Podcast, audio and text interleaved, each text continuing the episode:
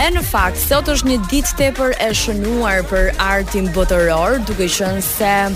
duhej të ishte ditëlindja e një këngëtareje me një vokal që ka shënuar gjenerata me muzikën e saj, që ka ridimensionuar mënyrën e të kënduarit, mënyrën e të përcjellurit muzikë, në mënyrën e të bërit art. Bëhet fjalë për Amy Winehouse, e lindur më 14 shtator të vitit 1983, dhe e vdekur më 23 korrik të vitit 2011 nga mbidoza e alkoolit, por në fakt historia e saj me drogërat, adiksionet dhe alkoolin daton paksa më herët, por ishin këto adiksione që i morën edhe jetën. Fakt ajo nuk e kishte imagjinuar kurrë që zëri i saj, dukshëm një zë tepër potent, pompoz, shumë i bukur dhe i veçantë, që datonte që në vegjëli, teksa shikohen disa video nëpër dokumentarë të ndryshëm që janë bërë për jetën e saj, teksa këndon për ditëlindje të shoqeve apo për ditëlindjet e saja,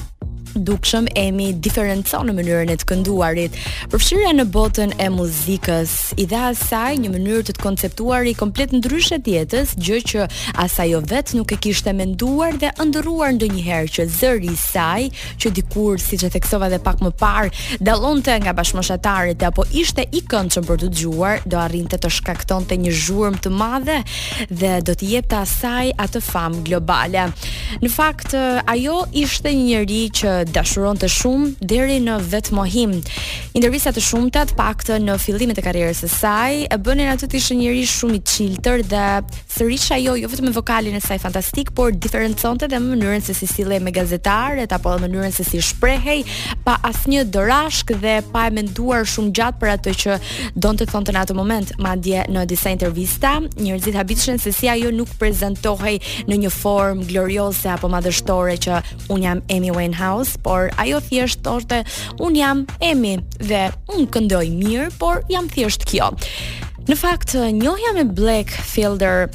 në një pub në vitin 2005 e shndërroi atë nga një njeri që në adoleshencën e saj ishte shumë kundra drogërave apo alkoolit në një person tepër addicted. Historia e tyre në fakt është një histori realiteti, por një histori mbi të cilën shkruhen libra e filma, shkon përtej normales, duke qenë se Emi nga një vajzë e thjeshtë dhe shumë e dashur, u shndërrua në një personazh që linte shumë për të dëshiruar me atë që po bënte me jetën e saj. Në fakt ajo u martua me uh, me dashurinë e saj të jetës Blake Fielder në vitin 2007, martesa e tyre zgjati vetëm 2 vite deri në vitin 2009, por në fakt ishte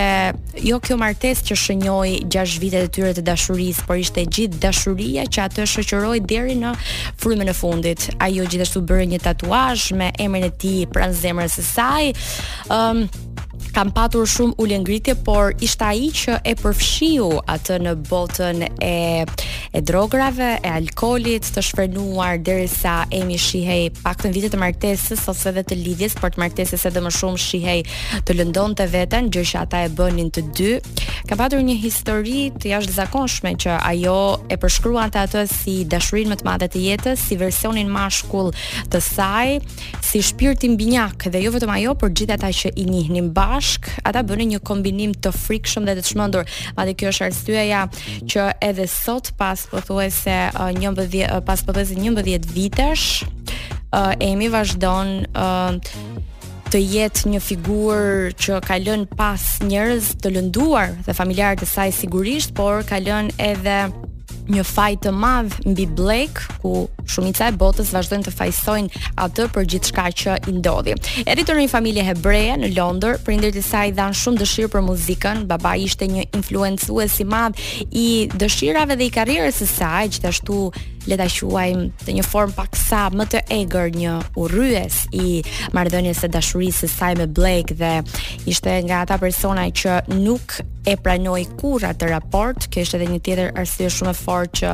Blake edhe ditën që Amy vdiq nuk ishte në varrim dhe nuk ishte në asnjë prej homazheve të mbajtura për të, duke qenë se ishte një nga njerëzit që fajësohej më shumë. Edhe pas divorcit, Amy kaloi 9 muaj në Karaibe, duke qenë se asokohe uh, Blake ishte i arrestuar dhe i dënuar me 3 vite burg, e më pas ai krijoi një tjetër raport me një tjetër vajzë me të cilën ka edhe një fëmijë, por nuk do të kishte gjë që ta lëndonte më shumë Emin, e cila nuk e harroi në asnjë moment dashurinë e saj më të madhe të jetës. të shihte dashurinë e saj teksa ishte bërë prind uh, me një partnere tjetër ëndrra e saj në fakt në një tjetër deklaratë ajo ka thënë që në këtë jetë ndoshta fati vendosi që unë të isha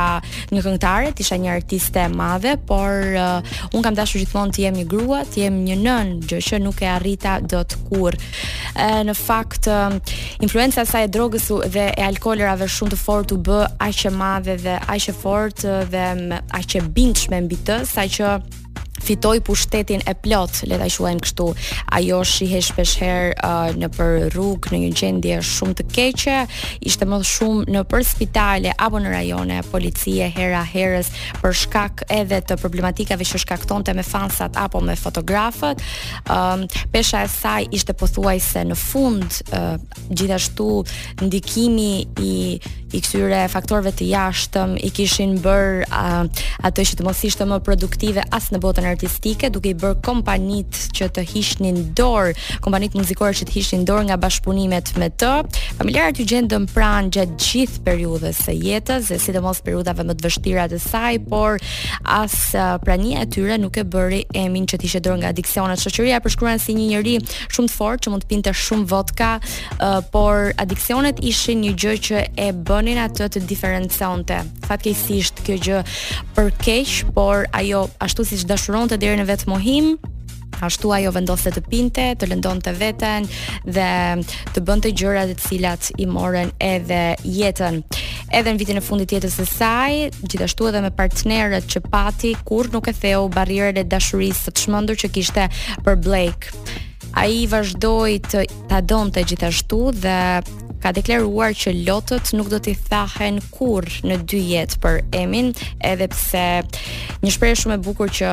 njerëzit e tyre të afërt, por edhe gjithë bota është pro, madje edhe mamaja e Blake është ata s'mund të rrinin pa njëri tjetrin, por ata nuk mund të rrinin as bashk. Back to Black është albumi i saj më i suksesshëm që e shndërroi në një yll global, u inspirua nga Blake, duke qenë se momentin e parë që ajo e njohu, ai kishte një të dashur tjetër dhe sa herë që ai shkonte tek ajo, uh, ajo bënte uh, gjëra mbi veten, le t'i quajmë kështu, gjëra jo shumë të mira, por uh, ka patur një dashuri ekstremisht të bukur për t'u treguar sot aq sa edhe të dhimbshme. Megjithatë, është momenti që ne të dëgjojmë një prej hiteve të saj legjendare, një këngë që e ka bërë fituese të